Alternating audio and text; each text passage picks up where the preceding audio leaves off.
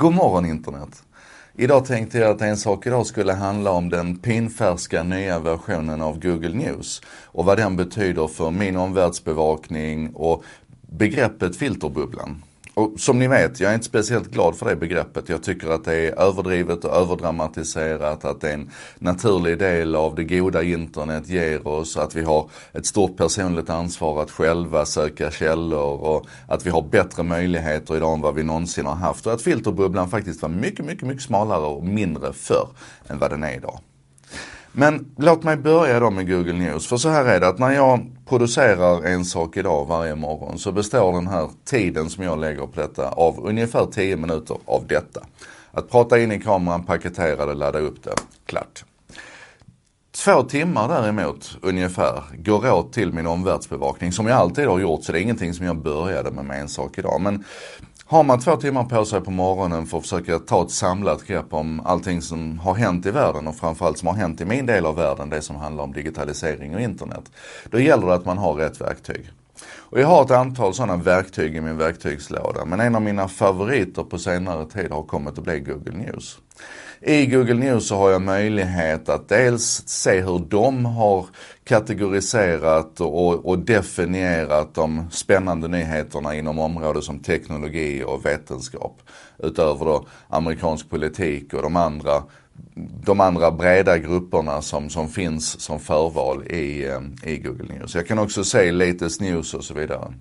Men vad jag framförallt kan göra är att jag har kunnat då tidigare och kan i någon mån fortfarande gå in och definiera egna områden. Så till exempel när jag ska jobba med en kund som nu vi ska åka på världsturné med Assa lite senare här i höst. Då sätter jag upp en sökning på Assa och, och, och relaterade sökord och får en, en paketerad insikt om den kunden vilket många gånger har betytt att jag har kommit in till, till våra workshops och vårt arbete tillsammans och vetat mer om kunden än vad kunden själv vet som sitter i rummet. Um, en sak jag har kunnat göra där då det är att jag har kunnat definiera en väldigt bred sökning. Så att i den har jag nu ungefär 2200 olika sökord. Det är sökord som är relaterade till artificiell intelligens och autonoma fordon och robotik och, och bioteknik och medicinteknik. Ni vet alla de här områdena som jag pratar om här. Så fort jag hittar ett nytt ord eller ett nytt begrepp inom något av de områdena så har jag lagt det i min sökning. Där. Och det har funkat otroligt bra men det har varit lite bökigt. Nu har det kommit en ny version av Google News. Den finns för iOS och Android. I, iOS, vad jag, i, min iPhone och iPad så var jag i alla fall tvungen att radera den gamla appen för att få hem den nya. Den kom inte som en automatisk uppdatering. Men den nya versionen heter, heter eh, Google News 5. Och vad den lovar är två saker. Det ena det är då att den ska ha mycket artificiell intelligens inbyggd i sig så att den, den analyserar mitt beteende. Jag kan hjälpa den med lite tummar upp och tummar ner och definiera favoriter och sådär. Men, men framförallt så ska den utifrån mitt beteende försöka ge mig väldigt mycket av det som jag tidigare har gjort med mina 2200 sökord. Ehm, så det är det ena och det är kanske den väntade utvecklingen. Den lite mer oväntade utvecklingen det är att om man tittar på stora nyheter här som till exempel det här debaclet med, med Trump och USA och, och Nordkorea och, och ehm, eh, deras toppmöte så att säga mellan Nordkoreas diktator och USAs diktator. Eh, då ligger det naturligtvis i en lista här då med top news. Så då kan jag klicka på någonting som heter view full coverage. Och det som ligger här då under top coverage, då får jag från flera olika källor. Så här ligger nu ifrån Vox, ifrån BBC News, Huffington Post, New York Post, CNBC, CNN och Al Jazeera. Här är alltså, här slår man sönder filterbubblan för här tar man ingen som helst hänsyn till vilka källor jag normalt sett brukar luta mig mot. Utan här trycker man in alla de källor som man betraktar som trovärdiga. Och det är grymt bra, jag får en fantastisk översikt över den nyheten. Sen kommer det lite, lite Twitter-länkar, det kommer en timeline där jag kan följa det här skeendet tillbaka. Vad hände för två dagar sedan? Vad hände för en vecka sedan? Vad hände för två veckor sedan?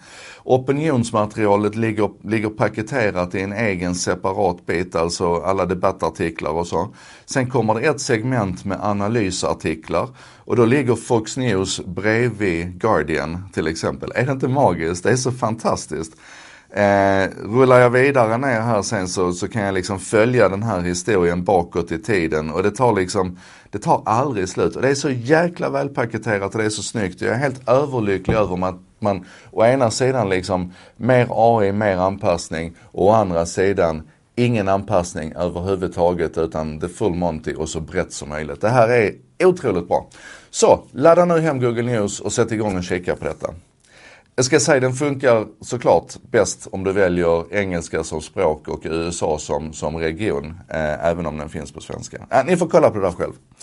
Det här var En sak idag. Jag heter Joakim Jardenberg. Eh, jag producerar det här med benäget bistånd av vännerna på Bredband2. Internetoperatören som gärna lyssnar när andra snackar och som hjälper till att sprida det goda ordet runt varför internet är en bra sak.